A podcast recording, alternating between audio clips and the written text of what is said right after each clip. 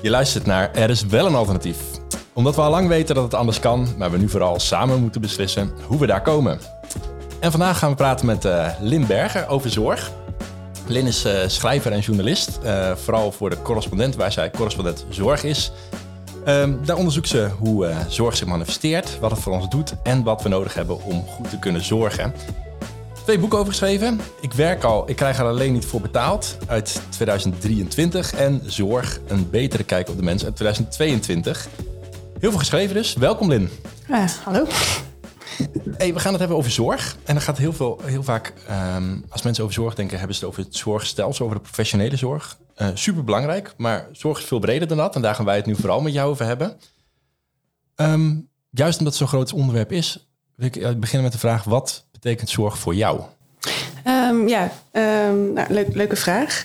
Um, nee, het is inderdaad, uh, meestal als we het over zorg hebben, dan hebben we het over ziekenzorg, ouderenzorg, fysiotherapie, de tandartszorg, waar je nou, waar in terecht komt als er iets mis is gegaan, als je ziek bent. Um, maar zorg is eigenlijk, uh, en ik, ik leun heel erg op een definitie van de Amerikaanse uh, filosoof Joan Tronto, Canadese filosoof Joan Tronto. Zij zegt: zorg is eigenlijk alles wat we doen om onze leefwereld te onderhouden en vorm te geven. En met die leefwereld bedoel, bedoelt ze onze omgeving, maar ook ons lichaam, onze geest, andermans lichaam en geest. Dus eigenlijk alle activiteiten die we ondernemen om ervoor te zorgen dat de wereld kan draaien zoals die draait. Dat is zorg. Um, dus dan is zorgen is niet alleen, ik heb een gebroken been en ik krijg gips, maar het is ook, ik ben een kind, ik heb eten nodig en iemand geeft me eten. Of um, ik ben moe en ik moet eigenlijk uitrusten, dus iemand zegt hier is een bed. Ja. Um, dat is allemaal zorg. Dus ik eigenlijk vandaag mijn hele dag, ik werd wakker of gisteren ging slapen. Er zijn heel veel activiteiten gedurende de dag die die een vorm van zelfzorg zijn. Ja. Zeker. En, en dus ook heel veel activiteiten die je doet eigenlijk uit zorg voor een ander. Dus ontbijt maken voor iemand anders of uh, boodschappen doen voor iemand anders. Dat is ook allemaal zorg. En um, eigenlijk alle, al die verschillende vormen van zorg, dus de zorg voor kinderen, de zorg voor naasten, maar ook de zorg voor zieken, um, die komen voort uit eenzelfde ja, biologisch mechanisme. Dat is eigenlijk allemaal dezelfde soort activiteit. Um, die, die nou ver, ver in eh, in, lang geleden in onze evolutie is ontstaan. En die zich nou, steeds verder heeft ontwikkeld, waardoor we voor steeds meer verschillende mensen en vormen kunnen zorgen. Um, ik, zit nog te zoeken naar die definitie van zorg. Want ik denk gelijk bijvoorbeeld je auto repareren, voor een auto repareren voor iemand anders. Is dat dan ook zorg? Valt dat er ook onder? Hm, ja, dan, dat is misschien dan weer onderhoud. En je zou kunnen zeggen, zorg is een vorm van onderhoud. Um, dus de, in, in, in mijn, mijn werk beperk ik me wel echt tot zorg van mensen voor mensen. Um, dus die, nou ja, dat je iemands lichaam of iemands geest, dat je je daarom om bekommert. Ja. Uh, het is natuurlijk moeilijk los te zien van zorgen voor spullen. Ik zat vandaag nog over na te denken dat um, als je gaat kijken naar de zorg die mensen, um, de tijd die mensen besteden aan de zorg voor hun kinderen en de zorg voor naasten en de tijd die ze besteden aan het huishouden, dan gaat er veel meer tijd naar het huishouden. Dus naar boodschappen doen en naar koken en afwassen. En, uh, en ergens voelt dat als eh, ja, een soort, als niet zorg, als een soort ondergeschikt aan fysieke zorg. Um, maar je kan natuurlijk niet voor kinderen zorgen zonder eten voor ze te koken of zonder de afwas te doen. Ja, ja dus, Het is, dus dat materiële, eh, nou ja, zorgen voor spullen is vaak een bijproduct van of een voorwaarde voor zorgen voor mensen. Ja. Um, maar wat wel belangrijk is aan zorg, zoals ik er naar kijk, is dat het um, eigenlijk altijd een relatie, een relationeel iets is. Dus er is een relatie tussen degene die zorgt en degene die zorg ontvangt. En een relatie, ja, zijn wel mensen die erg houden van hun spullen. Maar dat is meestal niet wederkerig. Ja. Um, ja. ja, precies. Dus zorg in die zin, het draait ook heel erg om de motivatie die je hebt om iets te doen. Dus een auto repareren zou er kunnen, onder kunnen vallen als, als het doel daarvan is dat die ander zich fijn gaat voelen. Of ja. dat je, ja, precies. Ja. Dus zodra je dan geld voor vraagt of zo, dan is het geen zorg meer, want dan is het doel niet dat die ander zich goed gaat voelen. Ja, nou ja, goed. Veel mensen zorgen en krijgen er geld voor. Dat is ook weer waar, ja. dus, dus geld is niet per se, uh, geld maakt zorg niet per se minder zorgzaam. En zonder dat we helemaal in die definitie terechtkomen, maar dat het helpt wel om het scherp te hebben. Uh, dus de, de dingen die dienstbaar staan tot die relatie tussen mensen, dan, dan vallen. Dus ik repareer de auto om daar bij dat voorbeeld te blijven, zodat jij naar het zwembad kan en dus voor je lichaam kan zorgen. Of zodat we samen naar uh, uh, iets kunnen doen wat voor jou belangrijk is, dan, dan hoort die activiteit bij het zorgdragen. Hetzelfde voor de boodschappen doen om met elkaar te kunnen eten. Uh, dus Is, is, is, zie ik dat dan goed zo een beetje? Dat, dat, dus eh, de ene gedraging kan soms wel onder zorg vallen en soms niet. Afhankelijk of die in de keten zit, die, Ja. in dat intermenselijke. Ja, en ik denk ook dat het, het eh, zoeken naar een afbakening, dat dat eigenlijk niet gaat lukken. Omdat zorgen is eigenlijk de meest essentiële activiteit van onze soort. Wij Ja. zijn een zorgende soort. Wij zijn allemaal afhankelijk van soort. We zijn eh, van zorg. En we zijn allemaal zorgverleners. Dus het is, het zit, zorg zit in alles. In alle mensen overal ter wereld. Ja, Ja, ja, precies. Dus zo'n discussie over wat is zorg dan precies is bijna net zo oeverloos als wat is een mens. ja, of hè, je hebt dat, eh, die parabel van die twee vissen die elkaar tegenkomen in de zee. En dan zegt de een tegen de ander, wat is het water lekker vandaag? En dan zegt die ander, wat is water? Omdat water is zo alomtegenwoordig dat die vis geen idee heeft wat het is. En dat is een beetje hetzelfde met zorg. Het is overal, het is er altijd. En dat maakt het soms moeilijk om het te zien ehm, Ja. en ook om te definiëren. Ja. En je hebt, nu, je hebt nu twee boeken over dit onderwerp geschreven. Je bent er heel veel mee bezig. Wat maakt dat jij dit, dat je dit verhaal zo belangrijk vindt om te vertellen? Van, dat, dat die zorg zo om, eh, al, al aan B, hoe noem je het? Alomtegenwoordig? Alomtegenwoordig, hé, ja. Die, Ja, nou, ehm, eh, ik kwam een aantal jaar geleden door, daar kunnen we het zo nog misschien wel over hebben, maar nou, misschien moet ik daar trouwens gewoon mee beginnen. Een aantal jaar geleden kwam ik terecht in het ziekenhuis. Ik had een ontsteking aan mijn voet en ik werd, eh, dat liep uit de hand, dus ik werd opgenomen in het ziekenhuis. En dat, dit was eh, rond de tijd dat er CAO-onderhandelingen waren van het ziekenhuispersoneel. Dus overal in het ziekenhuis hingen postertjes waarop het zorgpersoneel had geschreven dat ze een hoger salaris wilden en meer tijd om te zorgen. Ehm, dus ik lag daar in het ziekenhuis. Ik was volledig overgeleverd aan verpleegkundigen, aan artsen, aan verzorgenden. En ik dacht, hoe kan het nou dat deze mensen kennelijk niet genoeg geld krijgen voor dit werk? Hoe kan het dat we kennelijk als samenleving dit werk letterlijk niet op waarde weten te schatten? Ehm, en wat betekent het voor die mensen om te zorgen voor te weinig geld en in te weinig tijd? En die vraag die hield me bezig in het ziekenhuis. En toen ik er weer uitkwam, nog steeds. Ehm, Hoe gaat het met je voet? mijn voet is helemaal oké. maar die vraag die liet me niet meer los. En dan is het leuke aan journalist zijn. Je kunt dus onder werktijd op zoek naar een antwoord eh, Ja. als, je, als je vragen hebt. Dus dat ben ik gaan doen. En eigenlijk kwam ik vrij snel tot de ontdekking, ja, tot de conclusie, tot slot, omdat zorg het allerbelangrijkste is wat wij als mensen kunnen doen. Als, als je niet verzorgd wordt, dan is het afgelopen. Het is het allerbelangrijkste wat we doen. En het is het minst gewaardeerde wat we doen. En dat het het minst gewaardeerde is, dat zie je terug in nou, zoiets als lage salarissen voor verpleegkundigen. Maar ook in ehm, het feit dat eh, vrouwen in Nederland wordt verweten dat ze deeltijdprinsesjes zijn, dat ze lui zijn, terwijl ze een heel groot deel van hun tijd besteden aan het onbetaald zorgen voor kinderen, voor naasten. Dus er is een enorme discrepantie tussen het belang van zorg eh, eh, voor, voor wie we zijn en eh, het belang dat de samenleving eraan toekent. En dat daar kan ik niet goed tegen. Dus dat is mijn drijfveer eh, om dat nou ja, aan de kaak te stellen. ja. ja.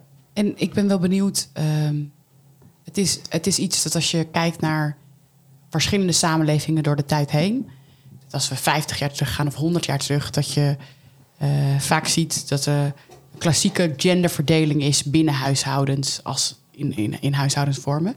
Speelt dat een rol, denk je, in welke rol eh, ja, zorg als, als hele inherente of als echt menselijke activiteit en hoe die in de samenleving gezien is? Speelt dat vandaag ook nog een rol? Nou, absoluut. Ja, nee, de zorg is, is, wordt van oudsher geassocieerd met vrouwen en met kinderen. En eh, van oudsher worden vrouwen en kinderen ook als minder interessant, minder belangrijk, minder slim, wat dan ook, gezien dan mannen. En dat is een belangrijke reden waarom zorg nou ja, altijd ja, een soort voor lief is genomen. Niet echt is gezien als iets, ehm, als iets wat er echt toe doet. Als je ook gaat kijken naar de filosofie. Wanneer, wanneer beginnen filosofen over zorg na te denken? Dat is echt pas in de jaren zeventig. Wanneer beginnen economen over zorg na te denken? Pas in de jaren zeventig. Waarom? Omdat dan het feminisme opkomt en omdat vrouwen ook filosoof en econoom worden. Dus het is, ja, het is heel lang ehm, eh, gewoon niet, niet gezien, omdat het werk dat vrouwen doen niet gezien is. Ik hoorde laatst, ik, ik doe soms een zijsportje en dan gaat Hans weer ons op, op het hoofdsport brengen. En ik wil iemand credit geven, maar ik weet even niet wie ik daar de credit voor moet geven. Dat ging over Adam Smith. Over Adam Smith, de, de econoom. En die was ongetrouwd. En eh, die woonde in bij zijn moeder. Ja. En eh, die is een van de dingen vergeten in eh, nadenken over de economie. Nou, een van de onderwerpen waar we vandaag over spreken is al dat informele wat niet eh, onderdeel was van economische activiteit in die tijd. En, eh, en, en toen vertelde die persoon, en ik, ik, ach, ik- ach, misschien in de, in de, in de notes aan het einde. eh, en die zei van, ik, het lijkt me zo leuk dat hij dan bezig is met, met zijn boek. En dat zijn moeder hem dan een boterham komt brengen. Maar dat hij het door zijn eigen situatie gewoon letterlijk vergeten is. Ja. Ja, ja dat vond ik zo'n mooi beeld. Maar dat is precies hoe het ging. Dus, dus um, Adam Smith's moeder kookte zijn eten. En terwijl hij nadacht over, nou, wat is de economie? Nou, dat, is, dat, dat bracht hij terug tot eigenlijk de vrije markt. Je hebt, uh, je hebt de bakker die bakt brood, zodat mensen brood kunnen kopen. Je hebt de, de brouwer die brouwt bier. En um, dat doen ze uit eigen belang. Maar omdat ze, um, omdat ze dat uit eigen belang doen, hebben ze er baat bij om die prijzen laag te houden. En dus kunnen mensen brood en bier kopen en iedereen is blij. Dus de onzichtbare hand van, van de markt die zorgt er eigenlijk voor dat die economie draaiende blijft. Wat hij helemaal vergat was dat er heel veel mensen werk doen niet uit eigen belang maar voor een ander. Zijn moeder kookte eten voor hem, zodat hij kon eten. Dus de vraag was een beetje, en dat is een, uh, ook de titel van een interessant boek hierover: Hoe cooked Adam Smith's dinner? Um, dat is, zeg maar, hij kan, de economie kan niet draaien als de bakker aan het einde van de dag niet naar een huis gaat waar een maaltijd voor hem is. Um, de, basis van de economie is zorg. Um, maar dat, dat zag hij niet en dat zagen de meeste economen na hem ook niet. Ja, Super, super. Ik zit gelijk te denken, wat een, briljante titel. Ik ben er gewoon jaloers op. Hoe kookt Adams Smith Dinner? Ja, het is in het Nederlands vertaald onbegrijpelijk als je houdt het niet voor mogelijk. Wauw, dat wordt vakkundig om zeep geholpen. Ja. Oh, indrukwekkend. Zorg is overal. Zorg We hebben net een beetje gehoord ja. waarom het niet... Uh, uh, uh, waarom het ondergewaardeerd is door de tijd heen. Mm -hmm. En dat, dat schets jij nu heel duidelijk en nog duidelijker ook in je boek met, met meerdere redenen. Maar als we, misschien helpt het om gewoon nu naar een paar, concrete voorbeelden te gaan. Dat dat ons helpt, Hans. Ik kijk jou even weer aan. Um, wat mij interessant lijkt, is om te gaan kijken naar hoe we tegenwoordig als samenleving dus naar zorg kijken. Want je zegt, uh, we kijken daar eigenlijk veel te smal naar. Um, en op dit moment is zorg een heel groot onderwerp van debat. Uh, namelijk, het punt wat steeds gemaakt wordt is... we vragen veel te veel van de zorgsector. En, uh, of tenminste, we gaan veel te veel van die zorgsector vragen. Die wordt overbelast. Um, hoe, hoe, hoe, kijk jij naar die vraag? Ja, nee, dus dat is... Um, toen ik me ging verdiepen in zorg... dan kwam ik... Nou, niet heel lang voor ik... Uh, de term zorginfarct tegenkwam. Uh, en dat is eigenlijk het verschijnsel dat de vraag naar zorg enorm toeneemt, naar professionele zorg dan met name. Uh, en dat het aanbod niet meegroeit, omdat het aantal mensen dat in de zorg werkt niet meegroeit. En de vraag naar zorg neemt toe om een aantal redenen. Er is vergrijzing, dus we worden steeds, er zijn steeds meer ouderen en die hebben ook vaak langer last van meerdere complexe problemen tegelijk. We zijn eigenlijk heel goed geworden in mensen gezond houden, maar daardoor hebben we nu nou, 10, 20 jaar waarin we professionele zorg nodig hebben. En een andere belangrijke reden is dat de welvaart is gestegen. En met stijgende welvaart komen hogere verwachtingen van gezondheid en dus hogere verwachtingen um, van zorg. Dus de vraag naar zorg die groeit. Maar diezelfde vergrijzing betekent dat er nou, steeds minder jonge mensen zijn die in de zorg werken, die die zorg kunnen leveren, die ook in de zorg willen werken, want salarissen zijn laag, werkdruk is hoog, um, vaak, vaak weinig autonomie, dus het is een, vaak onaantrekkelijk om in de zorg uh, te werken. Um, en eigenlijk de grote uitdaging van de, van de komende decennia wordt van hoe gaan we die, die kloof tussen vraag en aanbod um, nou ja, versmallen waar mogelijk, maar ook hoe gaan we daar als samenleving mee om met het feit dat we gewend zijn aan een hoge zorgstandaard, dat we dat ook graag allemaal willen, uh, maar dat het er niet is. Want zorg is, um, het, is verleidelijk om zorg te zien als een soort oneindige bron. Zorgen doe je, nou ja, doe je uit liefde of uit plezier, of je doet het omdat, het je werk is. En het idee is dan, het is verleidelijk om te denken dat je het aanbod van zorg altijd zal meegroeien met de vraag. Maar zorg is een, heel, is een schaars goed. Um, en dat komt omdat het tijd kost om te zorgen, het kost energie om te zorgen, het kost tijd om bij te komen van zorgen. Dus je kunt niet eindeloos meer zorg uit mensen trekken. Het is een, uh, ja. ja. een schaars goed, een, een uh, hoe noem je dat? Een, een bron die niet oneindig is. Ja. Um, dus de vraag is, hoe gaan we dat schaarse goed zo goed mogelijk verdelen? En dat vereist onder meer dat we het wel ook wel echt zien voor wat het is. Um, dus dat we zien dat het schaars is, dat we zien dat het niet um, iets is dat vanzelf komt. Um, en dus iets wat we nou ja, zo goed mogelijk moeten verdelen. Ja. En als ik nu nadenk over hoe er nu in de politiek over de zorg wordt gepraat, heb ik het idee dat dat best wel goed gaat. Er wordt heel erg erkend dat zorg een schaars goed is. En dus is de conclusie, we moeten eigenlijk bezuinigen, we moeten het afschalen en we moeten het veel meer gaan verdelen en kiezen welke zorg we nog wel doen. En uh, op die manier eigenlijk de, de vraag gaan dempen. Ja. Toch heb ik niet het idee dat jij, dat, dat jij die ook heel erg voelt. Nou, deels wel. Ik vind dat uh, uh, inmiddels demissionair minister Kuipers, een die erkent dat heel erg zorg is schaars. Die zegt ook die marktwerking. aan- dat dit probleem eraan zat te komen, is, weten we sinds de jaren tachtig. Wordt dan Ehm, wel heel vaak opgeschreven. ja, in, het is eh, vaak opgeschreven, is voor gewaarschuwd. Het is gewoon demografie. Ehm, en er zijn vanaf de jaren negentig soort manieren bedacht om, dat, om die kloof tussen vraag en aanbod te doen, krimpen. En een heel belangrijke daarvan was marktwerking. Ehm, dus het idee was als zorginstellingen met elkaar moeten gaan concurreren, dan gaan ze efficiënter werken, dan gaan ze zorg aanbieden voor een lagere prijs en dan kunnen meer mensen geholpen worden. Nou, een van de dingen die minister Kuipers zegt is ja, daar moeten we van af van dat idee dat ehm, competitie eh, de oplossing is. En deels omdat Ehm, als je gaat zeggen van we, gaan het, we willen zorg goedkoper maken, dus we gaan. Ehm, dan, dan wordt er vaak ingezet op efficiëntie. Dus als we mensen meer laten doen in minder tijd, dan kunnen we meer zorg bieden voor minder geld. En de grote ehm, ja, denkfout daarachter is dat, dat je de zorg gaat zien als een product. Eh, maar zorg is, wat we aan het begin zeiden, het, het, is een relatie. En. Als ik een zorgverlener ben, dan moet ik iemand leren kennen. Ik moet een beetje uitvogelen wat die persoon nodig heeft. Dan ga ik kijken van als ik je dit geef, helpt dat dan? Oh nee, dat helpt niet. Of dat helpt wel, maar er is een bijwerking, dus ik moet opnieuw. Dus het is een heel rommelig proces dat je niet helemaal van tevoren kunt voorspellen en niet eh, tot, nou ja, tot in den treuren efficiënter kunt maken. Dus eh, dat hebben we de afgelopen jaren wel geprobeerd. Met als gevolg dat. Nou, ik sprak een thuisverpleegkundige die me vertelde dat ze tijdens een avonddienst van vier uur moesten. Ik geloof 50 kilometer reizen en 22 cliënten bezoeken.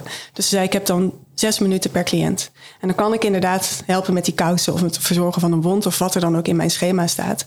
Maar heel vaak gebeurt er iets wat niet in het schema staat. Iemand is verdrietig, wil getroost worden. Iemand voelt zich eenzaam en wil praten. Dat is ook een zorgvraag. En ik zie dat, dat die er is en ik wil die beantwoorden, maar dat kan niet. Met als gevolg dat haar hele werkplezier verdween. Ja. En dat ze uiteindelijk is gestopt met dat werk. En dit is een patroon wat je heel veel ziet. Dus efficiëntie, eh, maar ook nou ja, marktwerking en competitie. Dat is geen oplossing voor dat zorginfarct. En dat heeft, eh, heeft de, de- minister goed gezien. Eh, toch, als je gaat kijken naar het integraal zorgakkoord, waarin staat: oké, wat gaan we doen om, hè, om die groeiende vraag naar zorg eh, te ondervangen? En want wat is dat, het integraal zorgakkoord? Het Integraal Zorgakkoord is een, eigenlijk een, een afspraak tussen het ministerie van Volksgezondheid, maar ook alle grote brancheorganisaties in de zorg over ja, hoe, hoe gaan we zorg leveren in de, de komende decennia. Ja, dus echt een cruciaal akkoord eigenlijk. Cruciaal akkoord heeft heel lang geduurd om het, eh, om het rond te krijgen. De huisartsen hebben het langs hun poot stijf gehouden, maar het is uiteindelijk er gekomen. Ehm, maar daar staat dan in. Ehm, nou, we gaan. eh, eh, er werken op dit moment werkt één op de zes mensen in de zorg. Ehm, als de vraag zich blijft ontwikkelen zoals verwacht, dan zou dat in 2060 één op de drie moeten zijn. Maar dat gaan we niet doen. Dat willen we niet. We willen het bij één op de zes houden. En dus ehm, moeten, we, nou, moeten mensen, er staat er dan toch weer in, efficiënter gaan werken. Moeten gebruik gaan maken van nieuwe technologie. Het is altijd de hoop dat technologie het gaat oplossen. Er is Ja, nog weinig bewijs dat dat ook zo is. Ehm, en een belangrijk eh, punt in het integraal zorgakkoord is... ja, mensen moeten eh, minder professionele zorg gaan ontvangen... en meer informele zorg. Ze moeten langer thuis blijven wonen... en daar moeten dan hun vrienden en hun naasten voor hen gaan zorgen... in plaats van verpleegkundigen. Ja. En dat lijkt, als je er soort op het oog naar kijkt, denk je, oh ja, dat is een goede oplossing. Eh, behalve dan dat die naasten en die vrienden en die familie ook eh, een baan hebben. Misschien niet in de buurt wonen van, eh, van hun ouders. Ehm, misschien zelf in de zorg werken. Een op de vier zorgmedewerkers is mantelzorger. Ja. Ehm, dus het, het probleem wordt daarmee niet opgelost, maar eigenlijk over de schutting gegooid in het onbetaalde domein. Dus er zit een soort. ehm, eigenlijk, hè, als je, dat, dat heeft te maken met dat, dat idee van dat, die beperkte kijk op zorg als, als professionele zorg. Dan kun je denken, als we daar gewoon wat van weghalen, dan hebben we dat probleem opgelost. Maar als je een bredere kijk hebt op zorg en zegt, ja, maar zorg zit alles wat daarbuiten gebeurt is ook nog steeds zorg. En daar gelden dezelfde regels voor. Namelijk dat het schaars is, dat het tijd kost en energie. Dan heb je het niet opgelost door het daarnaar te verschuiven. Nee, precies. Dus het verschuiven tussen maatschappelijke domeinen... eh, het lost uiteindelijk niet het fundamentele probleem op... dat we gewoon überhaupt te weinig ruimte maken voor zorg. Ja. Heb je dan goed? Ja, ja dus dan, je kunt wel zeggen, hè, we moeten het, mantelzorgers moeten meer gaan doen. Maar dan, dan is de vervolgvraag, oké, hoe gaan we mantelzorgers in staat stellen om dat te doen? Want de tijd die je besteedt aan zorg voor iemand kun je niet besteden aan betaald werk. Ja. Ehm, nou, het leven is duur. Je wil wel iets van pensioen opbouwen. Dus misschien moet je mensen dan financieel ondersteunen. Of moet je zorgen dat, eh, dat, dat er langer zorgverlof is voor werknemers. Er zijn allemaal natuurlijk knoppen waar je aan kunt draaien. Ja. Ehm, maar die worden dan bij een ander ministerie neergelegd. Ja, Ehm, en dat, dat, dat werkt niet. ja want als ik er zo naar luister, dan tegelijkertijd vragen we van mensen om zoveel mogelijk te werken om de zorg te kunnen betalen. Maar we vragen ook van ze dat ze dan. Ik zit, zit te zoeken, je, je zoekt de oplossing. Je wil minder van mensen vragen qua werk, zodat ze tijd krijgen om, om te zorgen. Maar tegelijkertijd moeten die zorg betalen. Hoe zie je die, die Ja. tegenstelling? Je zit totaal klem zo, als je dit op het eerste oog bekijkt. Ja, ja nee, dat, dat is dus precies wat er nu gebeurt. Dus je hebt een ministerie van, eh, van Volksgezondheid die zegt iedereen moet meer gaan mantelzorgen. Je hebt eh, het ministerie van SZW die zegt nee, iedereen moet echt meer gaan werken, want die verzorgingsstaat wordt onbetaalbaar. Oké, hoe dan? Ehm, en dat, dat is ook niet. ehm, ja, volgens mij moet je dus gewoon een soort een, een hele stap terug doen en eigenlijk gaan denken van, eh, oké, als zorg de belangrijkste activiteit is van onze soort, eh, zouden we dat dan niet centraal moeten stellen in hoe we de samenleving inrichten? In plaats van waar het nu zit, namelijk aan de randen van de dag. En in de instellingen, ehm, in plaats van midden in de samenleving, zit het soort in de marge. En dan een samenleving zo inrichten dat iedereen nou, tijd heeft om te zorgen voor kinderen, voor vrienden, voor naasten. Misschien überhaupt tijd heeft en daardoor minder stress. En daardoor minder snel ziek wordt en minder zorg nodig heeft. Minder geldzorgen heeft en daardoor minder ziek wordt en minder professionele zorg nodig heeft. Nou ja, een hele andere samenleving. Ja, en, eh, ik denk dat, dat Hans daar zo naartoe gaat. Maar wat ik, wat ik merk als ik, ik probeer heel goed te luisteren, is dat alles is de hele tijd met elkaar verbonden. Dus ehm, in, in de analyse die je net geeft, zitten eigenlijk al zeven problemen. In eh, de inrichting van efficiëntie. Ik moet dan altijd denken aan. eh, nou, er zijn een paar dingen die je heel efficiënt kan inrichten. Ik doe even e- efficiëntie tussen aanhalingstekens. Eh, je ziet vaak dat eh, de heupoperatie of eh, de, de scan. ja, dan heb je eh, de, de, de, chirurg of de, die heeft daarnaast nog een bedrijf. Pakt de makkelijkste cliënten. Daar kan je tegen best wel hoge facturen, want daar is één vast tarief voor. Eh, daar zit heel weinig verder omheen. kan je heel efficiënt inrichten. Dat snoep je allemaal af van ons gezamenlijke budget. En dat richt je in alle ingewikkelde gevallen, die doe je ergens anders. Dat, dat lijkt nou ja, eh, in zo min mogelijk tijd zoveel mogelijk. En dan nou ja, nog winst over ook lekker afsnoepen. Dat, dat, dat is vanuit een bepaald doel efficiënt. Wat je dan niet gedaan hebt, is precies wat je zei. Eh, net als dat het heel efficiënt is om alleen maar de, de kous aan te doen. Maar de combi van de kous en het kopje thee, dan leer je veel meer over iemand, waardoor het veel makkelijker is om een andere behoefte in te vullen. Waardoor je daar niet nog een keer een apart bezoekje voor moet doen. Dus de manier waarop je kijkt naar efficiëntie en sturing en wat je daarin meeneemt. En dit is dan een iets bredere definitie, maar nog steeds best wel, na, best wel binnen het professionele zorgtermijn. Dat heb jij net heel helder aangestipt. Eh, her- herken je wat ik... eh, Ja, ja, ja. nou, dat is één. Eh, daar- daar heb je echt allemaal dingen die je kan doen om dat op te lossen. En dat is al best wel ingewikkeld. En dan zit ik heel goed te luisteren naar wat jij zei over die toename van de vraag. Maar in die toename van de vraag zit ook dit probleem weer belegen.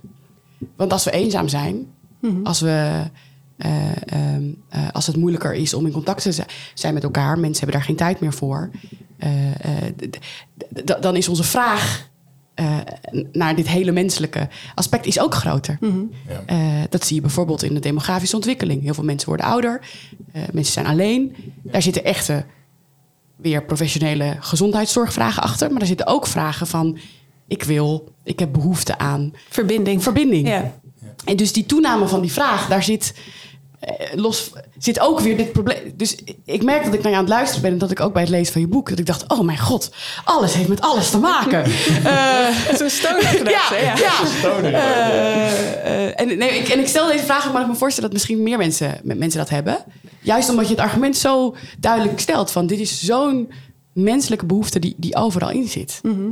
Ehm, Ja, en, en nou, ja, je kunt het natuurlijk nog verder. Kijk, die, die toenemende vraag naar zorg eh, hangt ook voor een groot deel samen met een, een, samenleving die steeds hogere eisen stelt aan mensen. Ik moest denken laatst weer aan die toename van het aantal kinderen met ADD of ADHD. Op het moment dat je een onderwijssysteem hebt waarin het niet zo erg is als je niet supergoed bent en je heel lang concentreren op rekenen. Of waarin het veel makkelijker is om met je hoofd werken, met je handen werken af te wisselen of te combineren. Dan heb je waarschijnlijk minder kinderen met ADD. En dus een kleinere vraag naar zorg. En zo zit het. Dit geldt voor allerlei eh, maatschappelijke ontwikkelingen. Ik sprak een verpleegkundige die zei. Er zijn allemaal maatschappelijke ontwikkelingen die, die, die leiden tot, een, tot, nou ja, tot vragen die terechtkomen op het bordje van de zorg, maar die daar eigenlijk niet horen. Die zou je eigenlijk veel eerder willen ondervangen. En dus met, nou ja, wat je zou kunnen noemen preventie. Ehm, en dan niet preventie als in, of niet alleen preventie als in we willen dat mensen niet roken en we willen dat mensen niet drinken, maar preventie als in we willen dat mensen een, een, een bestaansminimum hebben waar je ook echt van kan, kan leven. We willen dat onderwijs um, en niet alleen maar gaat over presteren, maar ook over iets bijdragen aan een ander, over blij zijn, enzovoorts, enzovoorts, enzovoorts. Dus een, een vriendelijke samenleving inrichten. Uh, waarin mensen minder eenzaam zijn, waarin mensen minder angstig zijn, waarin mensen minder ongelukkig zijn, zou de zorgvraag al een, ja, enorm omlaag brengen. In elk geval de vraag naar professionele zorg. Um, dat is wel een flinke taak. dus het is niet, ja, ik weet, dat is deels bijna, um, nou, het, het, vergt enig utopisch denken en vervolgens um, je inbeelden, oké, welke concrete stappen zijn nodig om daar te komen. En dat weet ik ook niet altijd precies. Maar ik denk wel dat het dat de orde van grootte is waarin je over dit probleem moet nadenken. Ja, ja. Ik nog, ooit was er zo'n GroenLinks-programma dat heette De Ontspannen Samenleving. Dat ging heel erg hierover. Ja. Dus je een basis, was dan ook voorstellen zoals de vierdaagse werkweek. Dus dat je gewoon veel meer de voorwaarden gaat creëren voor mensen om gewoon weer ontspannen te zijn en dit soort taken op te pakken. Ja, maar zeggen we dan eigenlijk, het probleem is helemaal niet zorg. Het probleem is gewoon de samenleving. Ja, ja. ja, maar even serieus. Dat, dat hoe, hoe we het leven inrichten is zo tegen natuurlijk. Of zo. Dat daar allemaal. En de keuzes die daar dan ook in gemaakt zijn. Of het nou in het onderwijsdomein zijn. Of in de sociale zekerheid. Of whatever. Die, die maken dit probleem groter. Ja, maar, en je zou dus kunnen zeggen. De reden dat we die keuzes op die manier hebben gemaakt. Is omdat we het belang van zorg niet goed hebben gezien. Omdat we heel lang hebben gedacht. Dat men heel lang heeft gedacht aan zorg. Het is een soort ja, dat, dat is, iets wat vrouwen vanzelf vanuit liefde doen. En dat, dat, dat, dat zal er altijd wel zijn. Uh, als er al over na wordt gedacht. Dat is een onzichtbare hand. Ja. Tegelijkertijd heb ik ook wel idee, als je het zo hebt over die, over die voorzieningen van de verzorgingsstaat. En we hebben alles afgebroken en dus wordt alles gemedicaliseerd. Dus je, je hebt geen huis meer, daar krijg je stress van. En dan kom je uiteindelijk pas in de zorg. Pas in de, als je in de zorg terechtkomt, dan word je geholpen in die zin wordt zorg juist dan wel heel hoog gewaardeerd. Het is ook een van de weinige ministeries waar, waar het bijna onmogelijk is om de vraag te stellen: moeten we hier niet de cap op gaan zetten van, qua uitgaven? Want dan, dan ik weet dat uh, de Kamerleden die dat dus, uh, die vraag hebben gesteld: van moeten we niet eens kritisch maar mensen gaan vragen: moeten we jou nog wel opereren? Dat die gelijk zwaar bekritiseerd en zelfs bedreigd werden. In die zin is de waardering juist, juist voor zorg nog heel hoog. Hmm. Nou ja, het is, het, is, het is ook de grootste uitgavenpost, geloof ik nu, van de overheid. Dus, dus er gaat wel geld naartoe. Um, maar het is, ja, het wordt. Men snapt dat, dat je er op een bepaalde manier niet aan mag komen. Maar tegelijkertijd doen we dat natuurlijk al wel. Ik bedoel, het is ook weer niet zo dat, dat een, gesprek als gewoon moeten we die operatie nog wel doen, dat dat niet wordt gevoerd. Nee. nee en je, zou, je kunt je ook afvragen ik sprak een, uh, een, internist en die zei: Ja, ik heb best wel vaak um, patiënten van bijvoorbeeld ver in de tachtig met een, een, heftige vorm van kanker. En die willen dan behandeld worden, want dat doe je. Als je ziek bent, dan moet je behandeld worden. En hij zei: Ik weet dat als ik gewoon eh, gewoon echt de tijd neem om met zo iemand te gaan zitten en uit te vogelen van wie ben jij, wat vind je belangrijk in het leven, wat, hoe wil je dat jouw laatste jaren eruit zien, dan wil iemand niet ziekenhuis in, ziekenhuis uit voor een, voor een dure behandeling, of überhaupt voor een behandeling. Die wil gewoon met vrienden en familie zijn. Um, en nou, zo min mogelijk pijn lijden. Maar dat gesprek, daar is geen tijd voor. Dus dat voeren we niet. En dus gaan we maar dure behandelingen uitvoeren. Dus dat is volgens mij best wel. Um, volgens mij, als je zorg echt zou waarderen, dan zou je zien dat ook dat een vorm van zorg is. Dat eigenlijk dat echte zorg is. En dat je daar dus tijd voor moet maken. En dan zou het zomaar kunnen dat, uh, nou ja, dat je ook nog eens veel kosten omlaag kan brengen. Maar dat zou eigenlijk nooit het doel moeten zijn. Ik bedoel, ik snap wel dat, dat, dat, dat geld speelt natuurlijk een rol. Um, maar als je gaat, als, als het belangrijkste punt, doel is om de kosten omlaag te brengen, dan ga je rare keuzes maken, zoals efficiëntie, blijven door, doorduwen. Of zeggen, nou, dan doen mantelzorgers het maar, want dat is gratis. Ja. Hey, laten we naar die, naar, die, naar die samenleving vol zorg gaan. Die, uh, zo, tenminste, zo, uh, in, in, je boek noem je het... Uh, ik wil toe naar een leven vol zorg. Um, de reden dat ik daar naartoe wil, want de, de, um, is dat heel veel theoretici die nadenken over een andere samenleving. Wij, wij in het boek wat wij uh, in ons boek hebben we het dan over de postkapitalistische samenleving. Maar ook als je kijkt naar mensen zoals uh, die nadenken over de welzijnseconomie, de care economy, de donut-economie. Allemaal draaien ze een beetje om, om dit verhaal. We moeten weer een samenleving gaan creëren waarin mensen kunnen ontspannen en weer dit soort fundamentele levenstaken kunnen oppakken. De vraag is dan alleen, hoe, hoe ziet dat er precies uit? wat voor concrete maatregelen ga je nemen als het ware om, om die ontspanning te creëren? Heb je, heb, je daar, heb je daar een beeld bij? Um, ja, ik weet niet of ik ze allemaal heel gedetailleerd voor me zie, die maatregelen. Nee, wacht even kiezen nee, hoor. Maar... Ja, nou ja, kijk, ik denk dat... Um, uh, en daar gaat ook mijn boekje Ik werk al, ik krijg er alleen niet voor betaald, gaat daar ook over. Die, die, um, op het moment dat betaald werk minder van onze tijd en energie opneemt, uh, hebben we meer tijd en energie over om voor anderen te zorgen. Dus ik denk dat daar en dat kan met nou, zoiets als een vierdaagse werkweek, um, maar ook uh, uitgebreid zorgverlof voor mensen die mantelzorg verlenen, uitgebreid uh, zwangerschapsverlof, ouderschapsverlof, partners, partnerverlof, zodat uh, nou, zorgtaken ook eerlijk verdeeld worden tussen mannen en vrouwen, zodat ouders lang de tijd hebben om voor kinderen te zorgen. Dat zijn allemaal regelingen die hebben we al, die kun je uitbreiden en dan kom je al best wel, wat dat betreft, best wel, best wel een eind. Um, en het zit hem ook in zoiets als, als het gaat om nou, ontspannen je werk doen als professionele zorgverlener. Zouden je gewoon helemaal weg moeten van dat geïnstitutionaliseerde wantrouwen. Dat ervoor zorgt dat mensen bijna geen bewegingsvrijheid meer hebben in hun werk. Um, omdat ze alles volgens protocol moeten doen, omdat ze 40% van hun tijd kwijt zijn aan administreren. Dat als je dat weghaalt, dan kunnen zorgverleners hebben en meer tijd om te zorgen. Dus kunnen gewoon meer zorgen en meer plezier, houden het langer vol. Um, dus ik denk dat dat als het gaat over hoe maak je dat werken, dat zorgen is zo ontspannen mogelijk, dan zijn dat twee manieren om het, om het te doen. En we vinden het leuk om een beetje tegen te denken in de podcast. Even los van of we dat zelf vinden of niet. Uh, want je zou kunnen zeggen, uh, die, al die, die uh, irritante regels, de paarse krokodil, ehm, dat die er zijn omdat je, precies wat jij eerder zei, tijd is schaars. De zorgtijd is schaars en daar kan je maar één keer uitgeven. Mm -hmm. dus je moet heel erg kiezen waar je het aan uitgeeft, omdat het op een gegeven moment op is. Ja. Um, dus dan zit de vraag er ook wel achter: wie maakt die beslissing over welke taken, uh, uh, welke dingen belangrijker zijn dan andere? En ik hoor je eigenlijk ook zeggen: dat moet je neerleggen bij die mensen die tegenover iemand staan, want die weten dat het beste.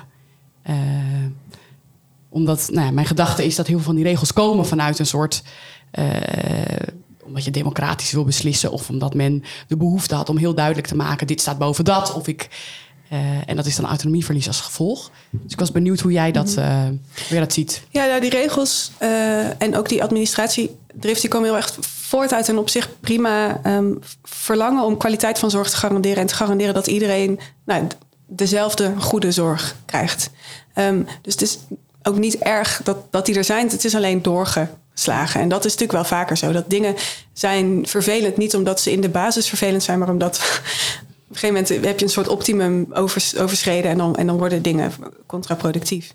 Um, maar als het gaat over het soort ja, bredere maatschappelijke gesprek over van welke aandoeningen willen we nog wel of niet behandelen, wanneer is het wel klaar of zo met hele zware ingrepen, um, dat, dat, dat vergt echt een soort debat waar, wat we wel al een beetje aan het voeren zijn. En wat je ook al wel terugziet in nou, bijvoorbeeld stukken in de krant over hey, kijk eens, hier is een ziekenhuis waar ze in plaats van heupoperaties doen bij mensen van boven de 80, doen ze aan pijnbestrijding en fysiotherapie. En dan leven mensen net zo lang. Maar er, zijn al wel, er wordt mee geëxperimenteerd en er wordt ook wel over gesproken. Maar nog heel mm, voorzichtig. En ik denk dat een belangrijke reden waarom het misschien ook niet heel. Ja, niet het allergrootste debat is dat we voeren, ook wel is omdat je dat heel veel mensen zorg dus toch nog zien als de uitzondering. En dus denken, ja, dat probleem komt wel als ik 80 ben, maar daar heb ik nu niks mee te maken. Um, en dat is, dus, dat is dus niet waar. Het heeft alles met ons te maken de hele tijd. En als het niet met ons, dan wel met onze ouders. Um, maar dus die, die onzichtbaarheid van zorg, omdat het zo alomtegenwoordig is, die, die zorgt ook dat die discussie voor heel veel mensen voelt als een ver van hun bedshow, denk ik. Ja, duidelijk. Um, ik dacht, jij gaat nog een vervolgvraag stellen hierop. Omdat je hem zo aansneed.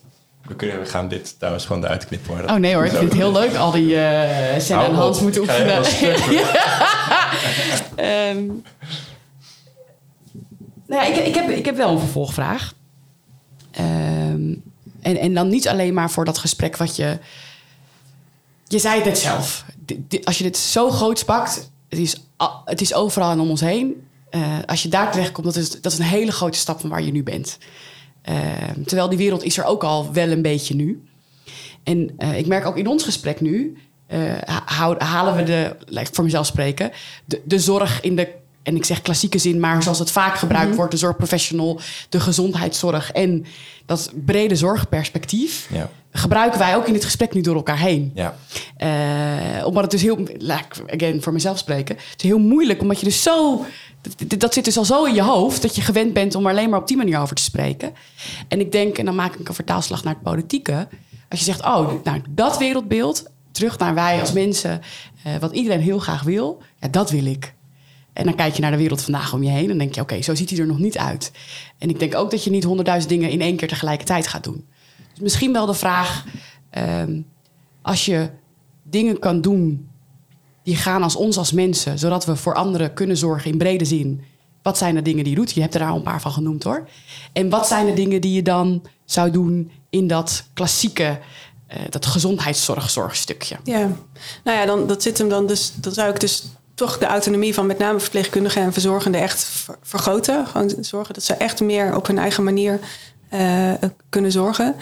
Salarissen omhoog, gewoon dat ze marktconform zijn.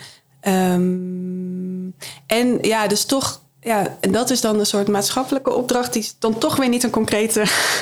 maar Kijk, op het moment dat we gewoon allemaal doordrongen zijn van de schaarste van zorg. En dus van, van het feit dat die koek maar één keer gegeten kan worden. En dat we die zo goed mogelijk moeten verdelen. Nou, misschien gaan we dan wel ehm, inderdaad denken. ehm, hebben al deze kinderen echt eh, therapie nodig voor hun ADD? Of kunnen we het onderwijs aanpassen? Dat soort denkstappen zou je dan, denk ik, gaan, gaan maken. Dus dat je dan toch, het, toch weer, ook weer uit het domein van die zorg gaat stappen... Ja. en gaat kijken naar wat kunnen we dan in de samenleving veranderen... om te zorgen dat, eh, nou, niet, ik wil niet eens afwijking noemen... gewoon eigenschappen van mensen niet uiteindelijk veranderen in een zorgvraag... omdat de samenleving het ze niet accommodeert. Ja, en eigenlijk zeg je: stop met het in kleine hokjes doen. Zet deze hele realistische bril op. Dit is wie we zijn als mensen. Als je dat niet herkent, dan ga je de hele tijd dezelfde fout maken. Ja, Eh, op elk onderwerp. Ja. Omdat dit eigenlijk in alles zit. En als je dat de hele tijd negeert, of wegstopt, of te weinig waarde geeft, dan zul je altijd iets groots missen. ja. Eh, en dan zeg je eigenlijk tegen mij, ja, wat een stomme vraag stel, je- stel jij. Want ik kan jou niet nu vertellen op al die terreinen wat nodig is. Want zo groot is het. Nou, het, het is ook gewoon, het, het is ook zeg maar waar mijn denken is, zit heel erg nog op, op het, eh, het, het zichtbaar maken van zorg en wat zijn de gevolgen van de onzichtbaarheid van zorg. En, en minder op, oké, welke concrete Ja. eh, stappen kun je nemen. Ehm, maar nou ja, gewoon de werkomstandigheden van zorgprofessionals verbeteren, dat is een hele grote. En als het gaat over informele zorg, nou, mensen faciliteren die zorgen voor een ander. En nog een soort van stap terug, dit, wat, wat dus ook niet politiek is, maar dat zit dan meer in opvoeding en onderwijs, denk ik dat. Kijk, zorgen is eh, net als fietsen iets waar je beter in wordt naarmate je het meer doet. Ehm, maar wij oefenen weinig in zorgen. Eh, Ik ken mensen, de eerste keer dat ze een baby vasthouden is hun eigen kind. Ehm, als je niet oefent in zorgen, dan komt, als je dan een zorgvraag krijgt, dan voelt het nogal al, nou rauw op je dak. Dus we zouden, stel dat we onze kinderen gewoon van jongs af aan veel meer zouden leren dat eh, een, goed leven is niet alleen een leven waarin je het, het beste uit jezelf haalt, maar ook waarin je anderen eh, bijdraagt aan anderen. Dat, kinderen kunnen oefenen in zorgen, helpen in het huishouden, zorgen voor een oma. eh, zodat nou ja, het belang van zorg, maar ook het plezier van zorg eh, iets is wat je zelf meemaakt vanaf jonge leeftijd. Dan denk ik dat je al andere keuzes gaat maken als volwassene in hoe je je leven inricht. Omdat je dan ook weet, oh ja, maar misschien komt er daar een zorgvraag. Daar moet ik wel ruimte voor hebben in mijn leven. Daar moet rek voor zijn. Dan moet het systeem natuurlijk je wel toestaan om die keuzes te maken. Maar het zit ook in hoe wij in onze eigen levens zorg ervaren, zien, praktiseren, cultiveren. Ja, want als ik denk, ja, misschien moet je kinderen van jongs af aan leren dat, dat zo- zorg mooi is en leren zorg en helpen in het huishouden. Dan denk ik gelijk, ja, maar kinderen willen dat helemaal niet. Kinderen willen dat heel graag. Ja, kinderen vinden, het, vinden dat superleuk. Eh ja, Ik, wil jouw kinderen. Als ze klein zijn, vinden ze het, vinden ze het superleuk. Ja, dat is waar. En wat zeg ik dan als, als gestreste moeder? Nee, want ik heb gewoon geen zin in de zooi die het geeft als jij gaat helpen koken, weet je wel? Dus we, we- we- we- ik denk dat heel veel ouders hun kinderen actief ontmoedigen om, om bij te dragen. Ja. Of, of ze geven ze een nep stofzuigertje. Ja, dan snap ik ook wel dat je als kind op een gegeven moment denkt, nou weet je wat? dus blijkbaar wordt het niet serieus genomen. ja. Ja, precies. Maar waar, waar, waar ik naartoe wilde, van, je zegt zorg zit in de menselijke natuur en dat moeten we dus veel meer ook, ook aan blijven wakkeren dat dat zo is.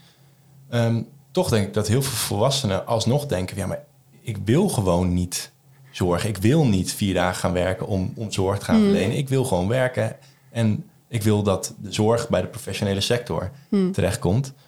Zeg je dan tegen die mensen, ja, maar sorry, dat kan gewoon niet meer. Zo gaan we het gewoon niet meer doen als samenleving. Nou, dan zeg ik ook dat dat is wel een verarming die je jezelf dan oplegt. Want zorgen, en het, het zit zo in onze natuur. eh, en, en de evolutie heeft allemaal slimme manieren bedacht om ons plezier te laten eh, beleven aan zorgen. Dus als je voor iemand zorgt, eh, dan maak je. ehm, als je voor iemand zorgt, dan maak je oxytocine aan. Dat is een stofje dat je een fijn gevoel geeft. Het is een, de basis voor hechting, het is de basis voor liefde. Als je mensen vraagt op hun sterfbed, waar heb je spijt van? Dus nooit had ik maar meer bijgedragen aan het BBP. Maar het is altijd had ik maar meer tijd doorgebracht met de mensen van wie ik hou. Wat is Ja. een hele goede manier om tijd door te brengen met mensen van wie je houdt, is voor ze zorgen. Ja. En nee, tuurlijk, er zitten allemaal aspecten aan zorg die helemaal niet leuk zijn. Het is repetitief, het is vaak vies, het is vaak saai. Ja, Ja, eh, het een staat niet los van het ander. Ja. Dus wat dat betreft zeg ik wel, ja, take it. Heb je wel eens iemand gewassen, Hans? Eh, niet een volwassen iemand. Ik heb nu wel zelf kinderen. Een jongen van bijna drie en een eh, meisje van één.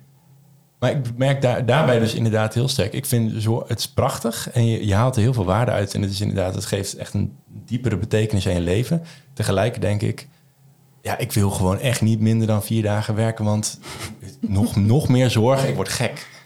Nou ja, ja, en dat snap ik ook. En daarom zou ik ook zeggen, in die ideale samenleving waarin zorg de ruimte krijgt, is er goede kinderopvang gratis voor iedereen.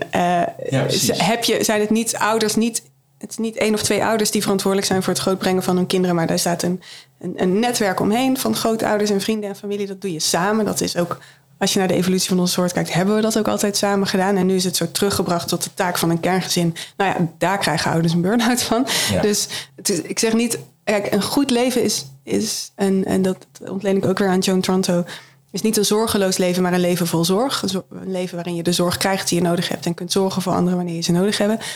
Maar dat is niet het enige wat in het leven moet zitten. Het, Ja.